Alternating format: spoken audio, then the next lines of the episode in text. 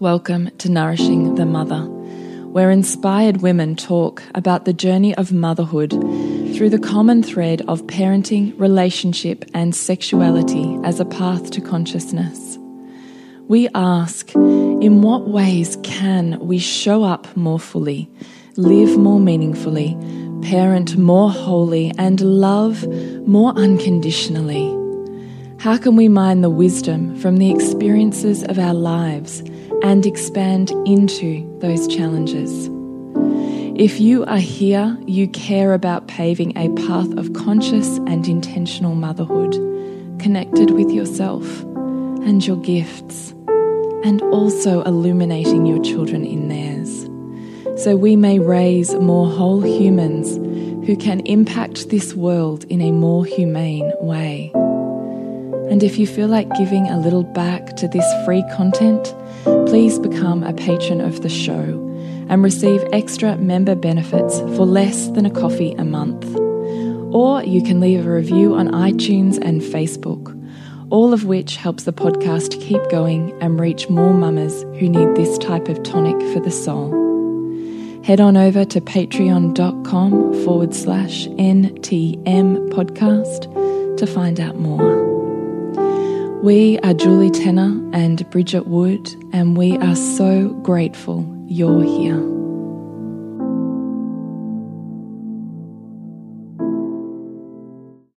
Hello, and welcome to Nourishing the Mother. I'm Bridget Wood. And I'm Julie Tenner. And today's podcast is called Reimagining Motherhood because that is what we want you to do mm. reimagine what is possible in motherhood that our cultural narrative keeps veiled, hidden, shamed, locked away, all the things. Gosh. That's where we want to take the conversation today, and certainly is in lieu of this month's celebration within Soul Driven Motherhood, which is every week a live workshop where we're really talking about the intricacies of how motherhood serves all seven areas of life and seeks to empower them. So, by virtue of that, is on the way, not in the way. Mm. So you can join Soul Driven Motherhood at any point in time. It's just $39 for the whole month. And in there is a plethora of conscious parenting courses for just about anything that you're feeling a little bit glitchy on, as well as an incredible community and conversations that we just get to sporadically start up and have. So it's really quite a mm. delicious place to be. So you can find out more about that at nourishingthemother.com.au. And while you're there, please scroll on down to the red banner and drop in your email address. And every so often we send you out an email letting you know what is going on in the world of nourishing the mother so that you can pick and choose and you don't miss out on anything. Mm. Please join us at nourishingthemother.com.au. Mm. So I'm really excited about this one because I think that the transition to motherhood for many women can feel so world busting open-ish that in the in the death of all of the identities that we've held as women before motherhood there comes a rebirth of who we are. But if we're looking to reference ourselves and and our worth and our role and our responsibility through the lens of our dominant culture, we can very often um, not value who we are and not value what motherhood gives us in terms of our own personal development and growth and inspiration as women. And so that's really the theme of of this podcast and also of our month in, in of in motherhood, which is really to challenge that dominant cultural narrative and through our stories and of the stories of the women that we're going to bring into Soul Driven Motherhood in these workshops, it's going to really challenge and enliven the conversation around just how much motherhood is a pathway for profound growth and expansion in who you are. And that the that the gift of raising our children and of seeing them as as great teachers and also of you know, as great wisdom keepers as well, um, for us to learn about ourselves is really where motherhood can come alive for you. And that's what we really hope to do in this podcast and also in that group. Would you say so too, Jules? Yeah, Hundred percent. Mm. I'm really looking forward to being able to have juicy conversations, and I'm looking forward to hearing what you have to say about the seven areas of life. Yeah. And so if we consider, and so seven areas of life is actually something that really was born for us in our Loathing to Loving program. So many years ago when we started, um, that's our really our signature program, and and what we continue to have women continue to cycle back to because the foundation there is so so rich.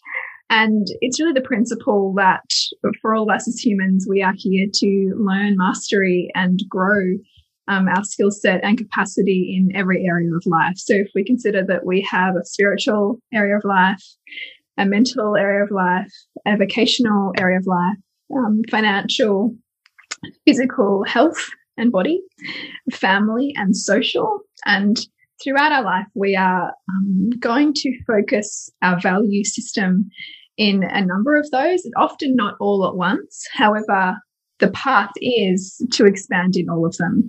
And the more that we um, have awareness of our innate desire and blueprint or map, really, to expand those areas, the more that we can ask ourselves creatively how, for example, motherhood helps us grow each one of those areas. And that's what we're going to step out in this podcast.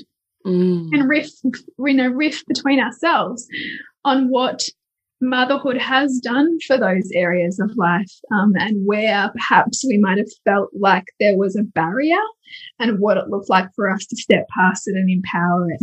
And where we're still working because you, you, we always will be right?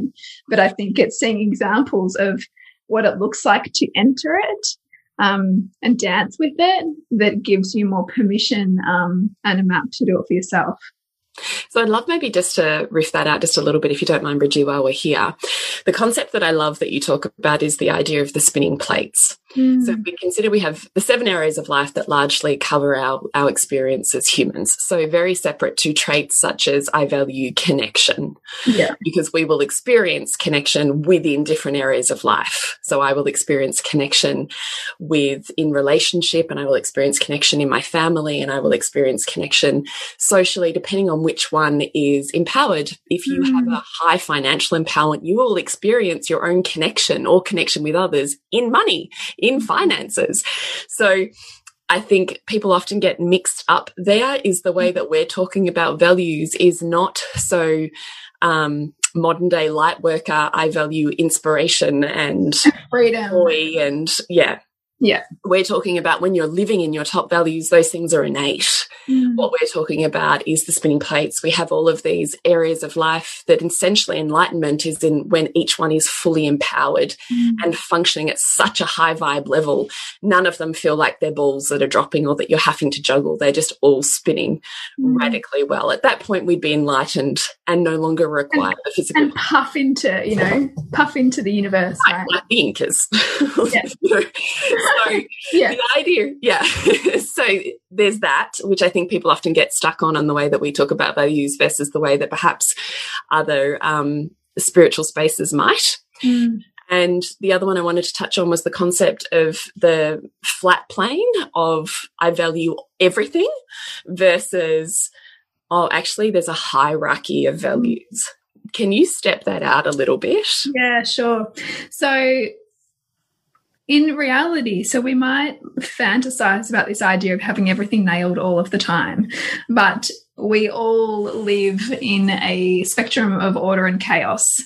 And we're going to have the most order, which is organization, which is, you know, focus, which is where we're going to feel good. We're going to feel lit up. We're going to feel like, yep, I see the challenge, but I'm nailing it because I can see oh. how it's on path. And our self worth is going to be through the roof because we're going to be like, oh my God, I'm so amazing. exactly right. That. Oh. And even if you're having one of those down days where you're like, but I'm not that anywhere, you will have it somewhere, right? So if you're having one of those days, just look closely, you'll have it somewhere. Um, and conversely, we also have chaos in our life. So we have right up the top, kind of this nailing it, yep, I'm awesome. And then somewhere hidden in your life, really, really low priority for you, it's a shit show. It's in chaos, it's disordered. If somebody asked you where something was in that area of your life, you'd be like, fuck, I don't even know. Like, it'd just be a shit. Everyone has it. Some people are just really good at hiding it. you know, or, they, or, or it exists in shadow. It exists in the shadow, the shadow being everything that we're not aware of, right, in our consciousness. Or choose to bypass. I would put yeah. bypassing within yeah. as well. Choose to not bypass over a whole lot of stuff. Yeah.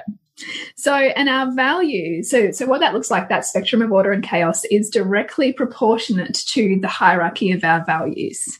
And our values are demonstrated by what our life looks like and where we spend our time, what we're thinking about, what we're appreciating in our life, where our energy goes, what we're talking about to people, what people are talking about to us. So basically, what our identity looks like right now is what our values are. And that will be in a hierarchy, and some will be the highest in our values the things that nobody has to ask us to do that we will wake up and just do because it's high value for us. We're inspired so, by it, and yeah, we experience yeah. freedom and self worth and purpose and, and joy and inspiration and energy, right? Mm -hmm. Like all the high vibe sensations are what we're going to feel in that area. Yes, those areas will also come with challenge, but the difference is which I'm more than happy for you to talk about too, Bridget. Mm. The difference is if I like family is my top value, right? So parenting. If I experience parenting and challenge, if I, sorry, experience challenge within my parenting, as opposed to somewhere lower down, let's say would have been money at one stage where I would have just like stuck my head in the sand or pretended or just put it on the credit card and bypassed around it and kind of just kept like duck paddling. In mm. parenting, I go, Ooh, that's a problem. I'm going to sink my teeth into that. Mm. So this is also the difference between higher values and lower values.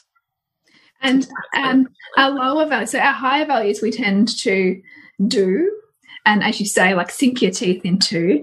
And our lower values, we tend to delegate. So if somebody has parenting at a much lower value, they're going to delegate it.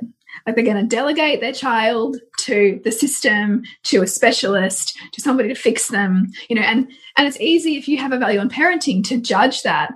But that person simply has a higher order to something else in their life. Mm. And that they are the person that you might seek for information on finances or for information on having a meticulous home or something like that. So they're no less worthy. They're just that their own worth is invested elsewhere. Yeah. And there'll come a time where that may actually be really attractive to you and you will you change the perception of that person in your eyes because you have shifted your value to see their worth more because you're not projecting your value onto them because we what we tend to do is we tend to project our highest values onto other people and think that the way they should value what we value and we also do that to the world at large. So that's what happens in like voting, right? So people vote for governments based on their own values. And they'll like a leader if their own if they see their own values reflected, and they'll dislike one if they see their values challenged. So we're all doing this. And it's important to understand that projection because then we can take more ownership of it and see that we are the co-creator of our experience because the feedback that's coming back from the world is often in direct challenge or support of our own values. And so if we consider that it's possible to then recognize how we can empower all of them by asking ourselves good quality questions, we can then see that motherhood not simply being something that we do on the side, but simply something that's intrinsic to our own identity and therefore opportunity to grow in these areas we can link seemingly disconnected things that we tend to do as mothers to the enrichment of all areas of life. So, a great example is how motherhood helps you build your social influence and social skills and social connections. Because when you're a mother, you can't hide away from the world if you're wanting to raise emotionally intelligent children. You have to be pulled into new spaces and places where you might not have otherwise gone. You have to learn to communicate with people who are different to you. You have to learn to navigate, you know, specialist appointments and school boards and all of these other areas that you get pulled into this growth path, which if you enter with the level of, okay, I can learn something here, you then come out of that with a set of skills that you can then transfer to other areas so that you can take into job interviews, that you can take into, you know, leadership um, colleague relationships, colleague relationships, so many things. But because we live in a culture that doesn't really value the development of those skill sets that are innate in your motherhood, we can we can self minimize, and and you know you'll see this is rife in women who spend time out of the workforce and then go, but I'm just a mum. Never mind that being just a mum has been a profound, like you know, I don't know, boot camp of expansion in all these ways. Mm. And so I've got a list of all these things, but I want Julie, feel free to jump in because I can. Am I seemingly too quiet for you? Oh no, but I, am as I'm saying this, I can I can see like over the past you know five years or seven years that we've known each other, five years of the podcast, I can see like your journey in and out of these values and your transference of of a skill set that you've developed in community to then take that and move that Hundred percent right? Yeah, hundred percent. I mean, you and I talked about this, and even if we flash back, as I as I think I said to you, one of the most. It's so funny because I often look back on my life in terms of powerful conversations. Right. So, you know, if you have flashbacks, I feel like the string of my life actually revolves around powerful conversations that pivoted my life dramatically. And one of one, I said this to you the other day, one of those such conversations that was powerful and pivotal for me was when I found out and I was devastated I was pregnant with my fourth. And I'd said to you, like, basically, my life is over. Like, everything that I had had worked so hard for empowering and could see the trajectory of continued empowerment of felt like with the virtue of becoming pregnant and being beholden to again because I get very sick as well being beholden mm. to my body and another dependent child off of my breast and body and sleep and all of the things that new motherhood brings. I was like it, that's it. My life is down the toilet. Like it, this is really this is it I pick a baby yeah. and my life is over or um I don't pick the baby and I get to have my life. That was how I, mm. that's how I saw it. And I saw the flaw in my thinking, which is why I brought that up. Like that's very shadowy, right? Like it took enormous courage to really own the fact that I was saying that. Mm. And all of the previous labels and identities that had constructed what ultimately was the opposite like they were they were revolutionary to the identity that I had formed up until that point in time, right? So it was massively destabilizing mm. and massively vulnerable to say, here's really what you know my, and it's the shadow right so of course we're called into equilibration so everything that i had demonized externally and projected values onto here i was facing them because what you condemn you bring you become right mm -hmm. so here i was doing all of those things in one fell swoop but because I'd said that, I said to you, I know, I know that I'm only seeing this world one sided. Like I know that here's where I'm at, but I also know that's where I'm at. And one of the most powerful things you said to me was, yeah, but I just see this as expansion. Family is your top value. When you experience expansion in your top value, what else expands by virtue of that? How does this serve your children's emotional development that you're so like passionate about? And how does this serve your relationship with them and with Nick? And how does this serve and change the work that you so want to do in this world? Mm -hmm. And at the time I was like, I can only very, very, very faintly pinhole like one of those. I really, and as I said to you, know, and I went and had um, Demart, I paid for some Demartini facilitation. Mm. Like I knew I was really in it. And the only way to get yourself out of it when you're in that is to, to not stay in your own head. So I had spent a lot of conversations with you. I'd hired a facilitator to really work through that shit with. So really mm. invested in, I know I need to come into equilibration before any decisions can be made. And I'm so mm. far from equilibration. I'm like on the seesaw that's way balanced on one end. So that was one of the most powerful conversations that I still revisit in my brain over and over and over again because I cannot believe the prophecy that was in that because it's incredibly true. Mm -hmm. I couldn't conceive of any of it being true based on what I knew of the world up until that point in time and mm -hmm. what I mm. saw around me. But it's 100% true I can still remember where I was standing when we had that conversation, and I just felt a level of certainty that was unwavering. Oh, and I felt that. That's what I'm saying. It was like it was so rock solid that I was like, hmm, maybe. you know? Mm. But uh, my point was, it sounded like pie in the sky. There's this tiny part of me that's like anything's possible, right? Yeah. I know that I need to equilibrate my brain enough that I can see that as a solid possibility before I make any life decisions, mm -hmm. because or else it becomes an emotional one and I regret it. But now being three years or four years on the other side of that, it's it's so true that it kind of blows my mind. Mm -hmm. So anytime I start spiraling, and because we continue on those, you know, spirals throughout throughout our life. Anytime mm. I start mm. going, oh God, how am I going to do all of this? Or what, you know, blah, blah. And I start going, oh God, motherhood is starting to, what am I, all these kids and needs, and I can't do the things that I want to do in the world. I instantaneously recall that conversation and then almost let myself feel the fast forward motion of how true that has been. Mm. Like, and so I let myself emotionally almost stack that as a forward movement of just provenness. Yeah.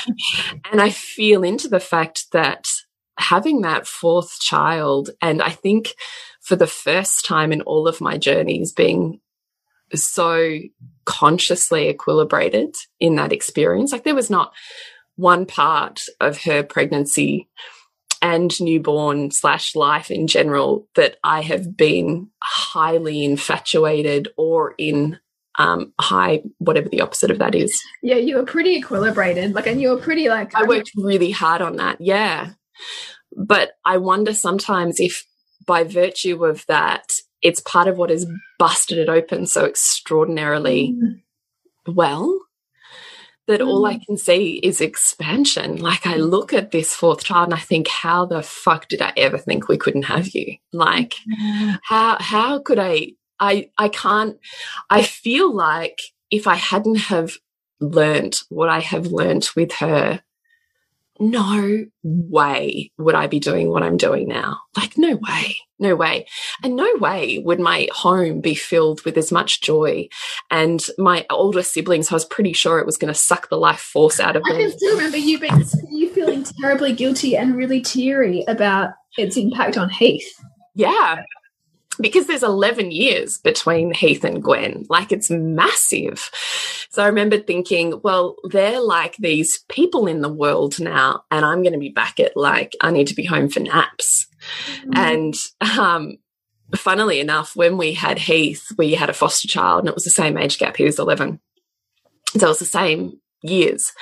And I always found that really hard because the things that an 11 year old boy wanted to do were the opposite to what I needed to do with a little baby. That is so interesting. I didn't know that detail. Yeah. Yeah. Well, it actually only just occurred to me then because I was thinking in my body, what was that feeling? And it was that because I remember being um, having to choose in these moments. I, and we ended up splitting. Like I said to Nick, look, basically it was Nick would go and do stuff with our foster child and I would be home with the baby because we couldn't work out how to mesh the two mm. in a way mm. that felt good for everyone. So it was more of a divide and conquer. And I felt, obviously, I had stored feelings from that. And so I'm here faced with the same thing, only in my own um, biological family. And I'm thinking, this is just, this is never going to work well. And what it has been is like the total opposite of that. Like, I'm not even articulating because I'm just feeling it, but the amount of emotional intelligence and um, awareness of love and capacity and leadership and guidance and um, ability to play at different age levels and be responsible for kids at different levels of care that I look at my son now and I think, oh my God, you're already a better parent than I was at 30 like mm. already at 14 by virtue of having such a big age gap and being in a way kind of like partly a parent through this mm-hmm. process so yeah we, you know we always talk about he's got to be a brother and not a parent. But by virtue of there being such a big age gap, he's naturally taken on that provider and protector role that just becomes innate in in that dynamic and i look at the mm-hmm. learning and the growth out of that and how radically different that is to his peers and the way he can just it's just magnificent i mean and same with my daughter jade and same with my special needs six year old child who was so all consuming in our world that I couldn't even like comprehend how that whole situation was going to go has also done the same thing. It's like she grew up and she had someone who was younger than her. And also because she doesn't and would never move if she didn't have a reason to, she has this younger person that one, she's at the same physical ability of, even though there's a significant age gap. So she has a playmate in all of the ways that she doesn't have a playmate out in the big wide world. Mm. And as this, you know, two year old sibling overtakes her in capacity of her body, that she pushes, I see her innately try and push herself because of the, the challenge to want to be able to do the same things. And I just look at all of it and I go, oh, my God, this is like unbelievable. And the two older kids have become like besties. The two younger kids are like besties. So that's pretty much how ISO has worked. Like I've just watched my teens like become best friends, like thick as thieves, hanging out together, joking, having inside jokes, like just amazing and a boy and a girl as well. That was always one of my biggest wounds was that i only ever grew up with a sister. And so learning the world of boys you know was one of the major traumas of my life.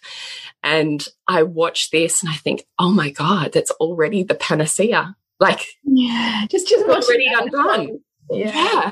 She already already knows he's another human and they've worked out like I just the whole thing this kind of blows my mind. And by virtue of all of that I have felt such an enormous freedom in my heart and in my body that that is part of what exponentially expanded and capacity, like literal capacity, right? Like emotional capacity, nervous system capacity, physical capacity, organization capacity, mm. just by virtue of it needing to be goes through the roof and it's a top value. So of course I work out how to meet it mm. has meant that that has effortlessly streamed into my work. Often my work that wouldn't have happened without my fourth child. Mm. Because you took the structures and capacity that you'd built in the family and morphed them to apply to your work. Mm. And because you'd trained yourself so well in family to go, well, no, there just has to be a way, I'll figure it out. Right. You've then had to do that in your work. And that's also meant that there's been a more effortless pivot because of COVID as well, because you've gone, well, there's my limited thinking is simply just my limited thinking. So I have to push myself beyond that and see where it's possible. Yeah. And by virtue of the fact that I'm still a full time stay at home mum with four kids, I could no longer separate work and family, particularly with a newborn mm. and a special needs child who, in many ways, is harder work than the newborn. So, because I couldn't separate it, I stopped separating it. Mm. And the more that I bring my children into what I'm doing, the better my business gets.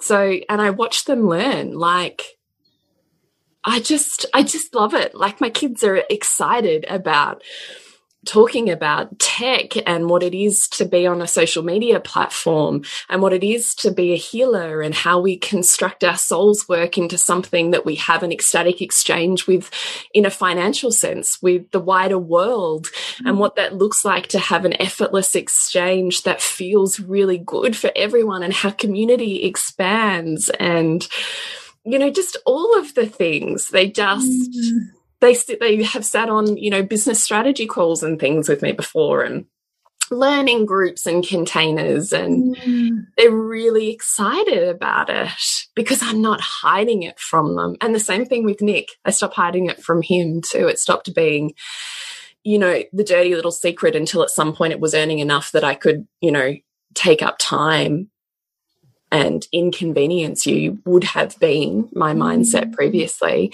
And I was like, I fucking love this and I have to do it. And I know it makes everything right. The more mm. full of life force I am, the more effortless our home life is, and the more mm. effortless our relationship is. And the whole thing just has to work totally differently. And that was the gift of not having another option by virtue of having a newborn. Mm. I love that story. And I know I remember that that was a big edge for you too, was it was, and I dance it, was the, um, valuing your work enough to not feel like to, to feel like it has to earn its space yeah in the family. Mm. and because we're we have to undo a lot of the imprint like the generational imprint particularly that is on mothers to first and foremost mother. And that anything else is like secondary to that. When in fact when you start to see how the business serves all of it and even this morning i had a great example of that when i was sitting down researching um, people to get on the podcast and my son, my seven year old, was sitting there with me, and we're talking about money and wealth and and what it, what it means to find an expert who knows that information and why it's important to plug into people who are masterful at what they do and what they can teach us. And you know, to end up being this random conversation. Exactly. Even just that conversation, I feel like is life changing. Yeah. And yet, if if we had thought that our work had to be separate all of the time, then these would be conversations that would go on in offices or you know in clinic clinic rooms away from our children's eyes and ears, and they'd potentially be worse for it because they're not getting that um, that leadership and that that opportunity to see how to carve their own way in the world that looks maybe different to what they what they otherwise would see. Yeah, yeah. So I mean, just so you know, everybody goes through spirals. I mean, Carly Marie calls it bear mode. I just think it's part of the cycling of, of um, not letting the thing that holds you back stop you. You just kind of mm. your wing and you just keep going. But it's important to have tangible um, people or memories that make you see a different reality. Um, or at least the reality you're trying. So the evidence, I suppose. You don't always have to have evidence to know something on a deep soul level. But I think when you're having a moment of struggle, it is really helpful to plug into who is running that different narrative. And so that's the time I call on exactly that conversation that you and I had. And I remind myself of all of that and I go, yeah, so mm -hmm. let's just keep going. And also to start with where you are, like some, you know, some of our listeners might dream of perhaps building a business alongside their motherhood, but that is not where they're at right now. But know also that um, that the time that you're in is also a beautiful time to build um, foundations, right? Because the quality of our life is also based on the quality of the foundations in which we build to support us. Yeah. Those foundations look like the quality of your relationships. It look like it looks like how you can set up your home and the your rhythms to support you. It looks like how you can help your children to support themselves so that they gain, you know, slowly the independence that they need to move in the world. And and those are small things that aren't always seen and heard and witnessed and celebrated by the outside world and things you may not see for 5 10 15 20 years but they are these slow and steady you know one foot in front of the other points in which you build um, mastery and you build deep connection and you build independence and resilience and love and connection. Like you know I, even this time in covid um, in our what appears to be a never ending lockdown here in Melbourne. it has been a really great time. I've been journeying the Dark Mother a lot, probably more than I have ever journeyed it in my life. And so it's been a really profound time of, of sitting in that and not trying to, um, escape out of it, but understand it more deeply and to unravel it and tease it open and ask her what she needs and recognize, you know, what is generational imprint that's coming up now for me to unpack. And then ask myself, what do I need in my home and my relationship to support my expansion into that depth and into that descent? Not who needs to do things for me so I can escape this feeling. Mm and so the questioning around what do I need in my home looks like what ways work for me and my children to help empower them more What systems and soft structures can I create that helps everybody feel better here and helps everybody feel more self responsibility here? to be able to care for themselves and come back and care for each other and use that expansion and contraction within the home that you know the greater universe is asking of them and all of us mm, mm. Can you run through, before we wrap up, can you run through some points that you had on the different areas of life? Did you say you'd written down some points? Yeah. So for spiritual, I really talked about motherhood as, you know, we, we really see our, see our reflected self through our children and that we get called to meet the, the parts of ourselves that we haven't yet moved through or or heard properly. And so, in oh, fact, motherhood is the temple. And it is the scripture. There is nothing that you cannot learn through your motherhood. Mm. You can go to a monastery, you could disappear to India for six years, but you will have exactly the same lessons, if mm. not greater and faster ones in motherhood. And that's because family is the most powerful vehicle for transformation because children are genetically programmed to express what you repress. So, whatever you deny, you will run into in your child. And the more that you can breathe into that and allow that to infiltrate your cells and welcome it, that is the pathway to mastery.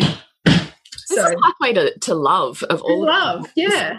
To love, to spiritual ecstasy, to awakening, all exist when we are trying to move into the world of non-duality, where we stop mm -hmm. trying to split that is what motherhood does. Mm, mm. Uh, and you would also notice you, you see where you contract, you see where you habitually become rigid, you see, and therefore your next evolution past that point. And then you have it, you expand into it, and then you hit the next level and then you contract again. And that is the growth that, as you say, you're going to meet on the mat somewhere in the world if you choose that path. Right. Um, mental, we talked about that capacity, skills, you know, how to bring things to a higher order, how to recognize chaos, how to create order from chaos, delegation, managing competing priorities, building vision as well, because you can build a vision for a family just as much as you can build a vision for a company. Um, vocational, so development of communication skills, um, dealing with overwhelming demands, looking for areas of growth in the family. Yeah, as well. Team building, Is, is that what you just said? I team said pivoting. Pivoting, yeah, and I had here team building because family, you know, teamwork makes the dream work. Mm. You have to speak in people's values, don't you, and create yeah. a win-win, which is an exceptional mastery. Absolutely. Um, financial, so responsibility. So by, by virtue of being responsible for a family, you're actually asked to be more responsible with, with money and a vision for money. You're getting opportunity to shift family patterns. So you patterns you may not have become aware of, you now become aware of that are in your own psyche and in your own um, childhood story that show up with your relationship with how you respond to your children around money. So that comes up to be grown up essentially.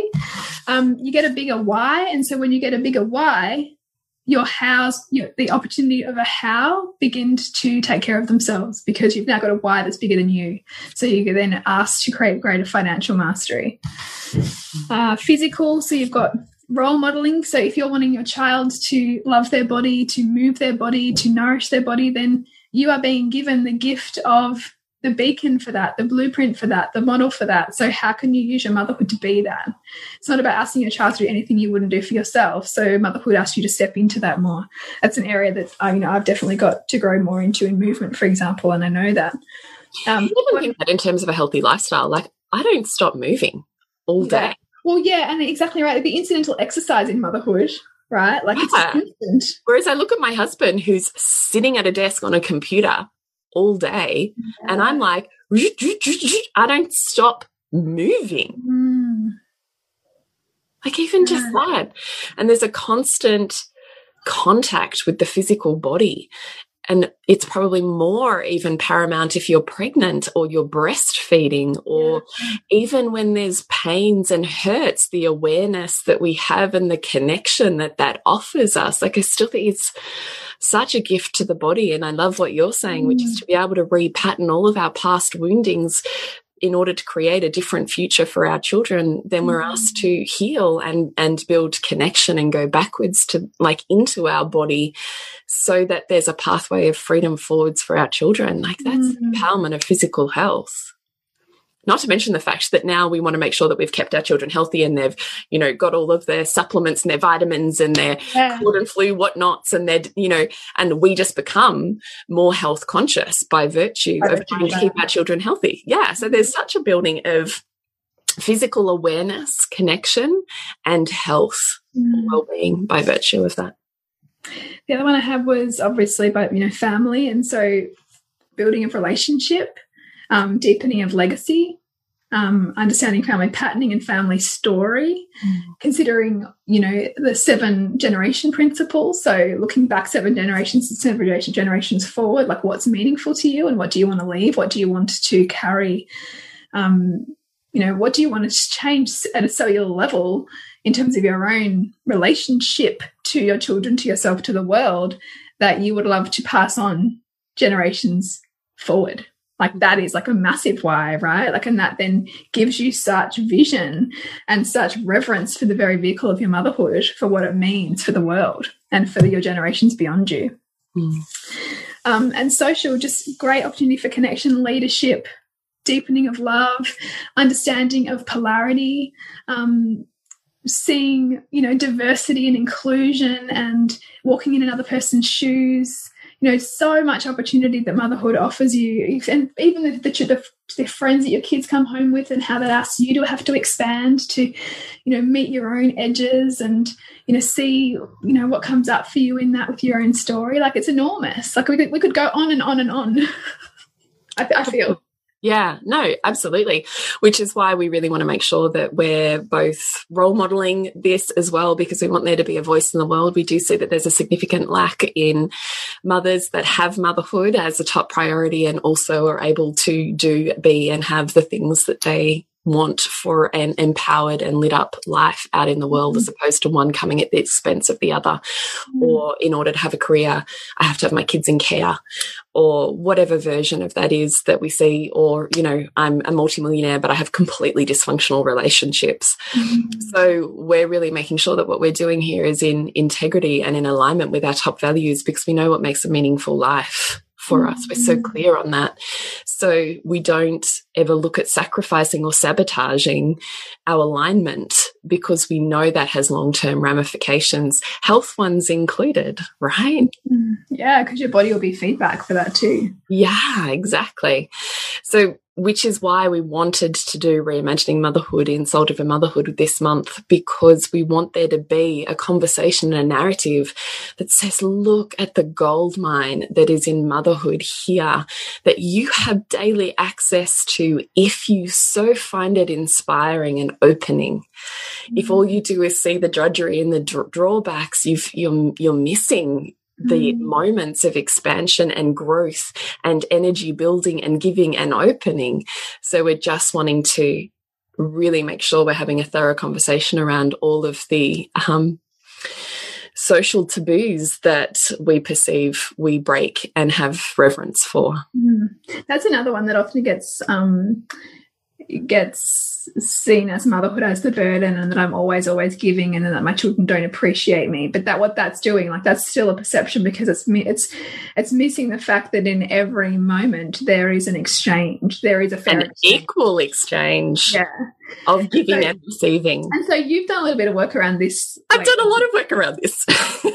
So do you want to share a little snippet? Because I know we will talk more about that in soul driven motherhood but do you want to share a little bit of a, a real life story of how you've been collapsing that one yeah, look, I mean, because that is one of still one of the beliefs that I revolt against from my childhood because I was made acutely aware of what a drain I was and how ungrateful I was and of all of the things that were done for me.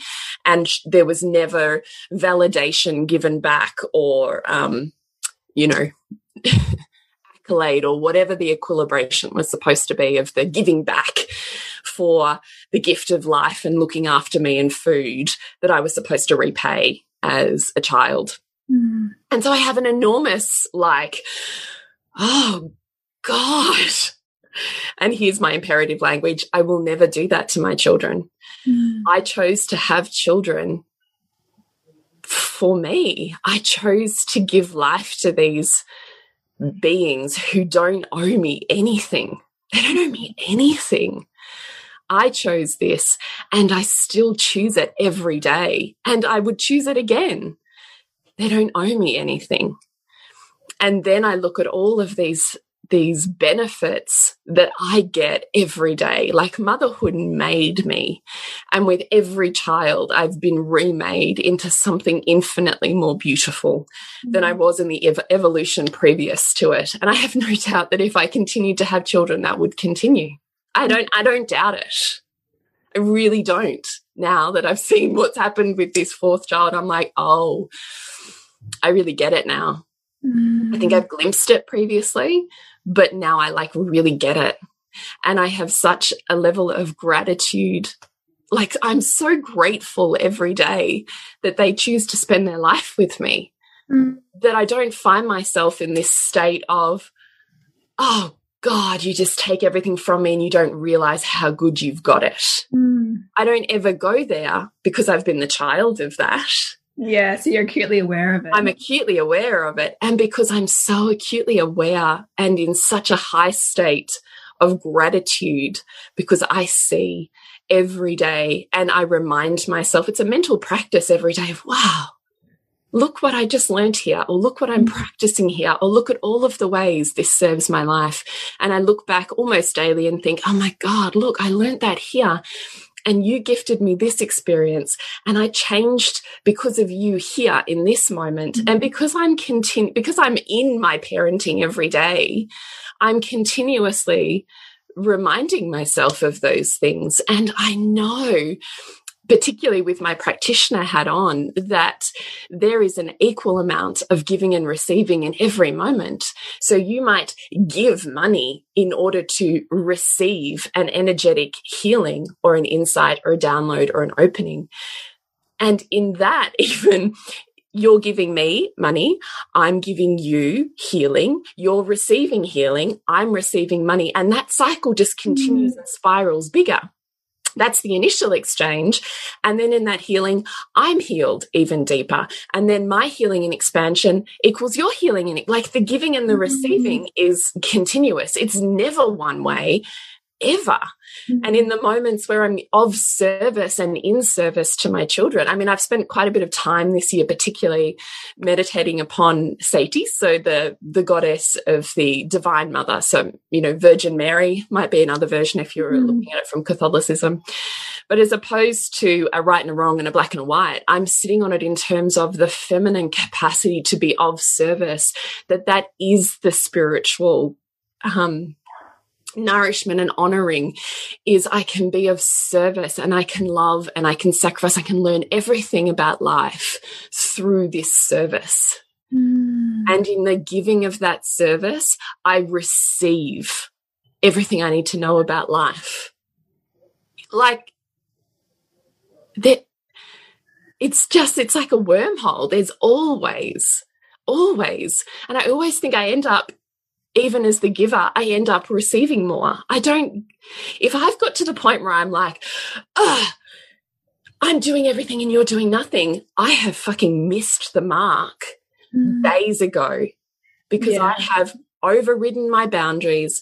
I've pushed instead of rested and mm. laid back and received because mm. the feminine is giving and receiving, right? Like we're never in one form. That is why all of the goddesses will have an arm that gives and an arm that receives. It's the Hamsa hand, right? Like it's that you've got to receive inwards, yes. which is probably the deepest feminine form of nourishment in order to be able to give outwards with our masculine polarity. If you've got one the wrong way, then that's just an energetic imbalance and you can work on that.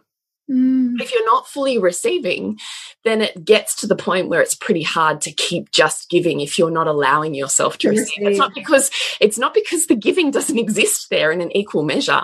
It's because you don't let it in. Yeah. Or you've blocked your capacity to see it. Yeah. I, I, often think about that. Um, like, you know, culturally we tend to have this thing of, oh God, like, you know, you know, even today, like, oh, thank God the kids have to, kids go back to school. But I think, yeah, but like, have you not just missed all that you've received this whole time that they've been home with you, like in the in your giving to them? You know, like we, we think about like, oh gosh, you know, I've got to be with my kids all day or whatever the, the dominant thing is when they're when you're tired or strung out. But like what about like the the what about the what about the what you get to receive in terms of like, wow, like my child has chosen to spend their time with me so, so that's really how I feel. Who, so who do I want to be if that's the case? Like if if I get to be in their vicinity, how do I want to show up to that person? Like how do I want to be in relationship with that person who's choosing to be in relationship with me? Mm. Like I think I feel like it, it changes it changes the narrative completely because it says that you know you're not just like lugged with children you have an incredible privilege to get to spend time with these people mm. who didn't really choose like get to choose who you are like but you are making yourself in response to them so how do you want to be in relationship with them knowing that like they can't go anywhere but they're giving to you even if you don't know, even if you're not, not willing to see it or receive it based on whatever your own imprint is, right? Yeah. And that's and that's what you run into. If they did nothing and stood in the middle of the room, I would still be receiving. Mm. But you've got to be open enough to the energetic movement of giving and receiving probably to be aware of that. Mm. But if you can conceive of the fact that that you pay to plug into somebody's energy, like a business coach or something, right? Or someone who you find deeply inspiring, or a concert that you love to go to, or, you know, a musician that you love to see. We are willing to pay to plug into somebody's energy in order to feel different. That's all that is. Mm. It's a receiving of a frequency that that person is vibrating at. So even if my children did nothing, and I simply sat next to them, I'm receiving a blessing. So I, I, I choose to be here. I just love it. I so love it. So, because because what it does is it gets you to undo whatever your your mother wound is really because you'll have some kind of mother wound that says that you have to do mine is like you have to do something to be worthy you have to kind of almost earn your keep, which was hers, right? Like she, she had to like make all of her siblings' lunches when she was five. Like, mm. you know, you have to do something to be worthy to be here. And you don't undo that in one generation. That continues. Like there's remnants of that that come down the line. Hmm. But that every time we hit it is an invitation to go, no, no, I don't choose that anymore. Hmm. But it's a loop. You know, like you talked about that labyrinth, like you keep running into it. Hmm. But I think if you're aware that you're running into it, then you're here to be the pattern breaker for it. Yeah. If you weren't aware, it would just continue and you wouldn't be aware. Mm. I think if you're aware, you're meant to be the pattern breaker. Mm. And I think you probably already are by virtue of the fact that you're simply aware of it. Mm. And often awareness is enough to change the pattern, you know? Yeah, I do. So I choose to be here. I think mm. it's my mantra. I love it. Even on the shittest days, I'd mm. still choose this over and over. I'd still choose it. Mm. Me too. Mm. So we'd love you to come and join us in Soul Driven Motherhood this month or more. We're not sure how long these workshop series is going to go on for because we feel like it's really meaty. Yeah. So please come and join us. You can find out more at Nourishing the Mother on Facebook and Instagram, nourishingthemother.com.au, and connect with you, Bridgie suburbansandcastles.com and you, Jules. It's thepleasurenutritionist.com. Remember to nourish the woman to rock the family. And we'll see you next week when we continue to peel back the layers on your mothering journey.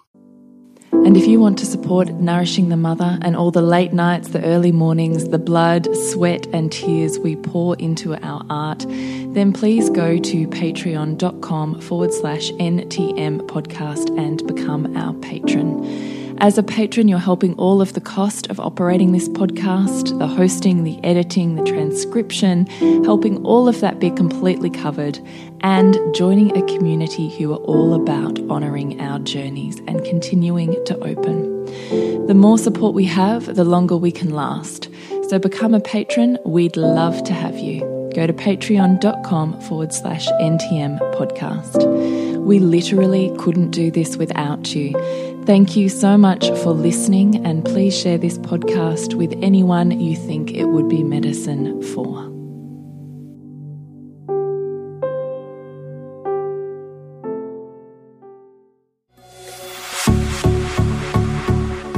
This has been a production of TheWellnessCouch.com. Check us out on Facebook and join in the conversation on Facebook.com forward slash The Wellness Couch. Subscribe to each show on iTunes and check us out on Twitter. The Wellness Couch, streaming wellness into your lives. Whilst the Wellness Couch presenter endeavor to provide accurate and helpful information to their listeners, these podcasts cannot take into account individual circumstances and are not intended to be a substitute for health and medical advice from a qualified health professional. You should always seek the advice of a qualified health professional before acting on any of the information provided by any of the Wellness Couch podcasts.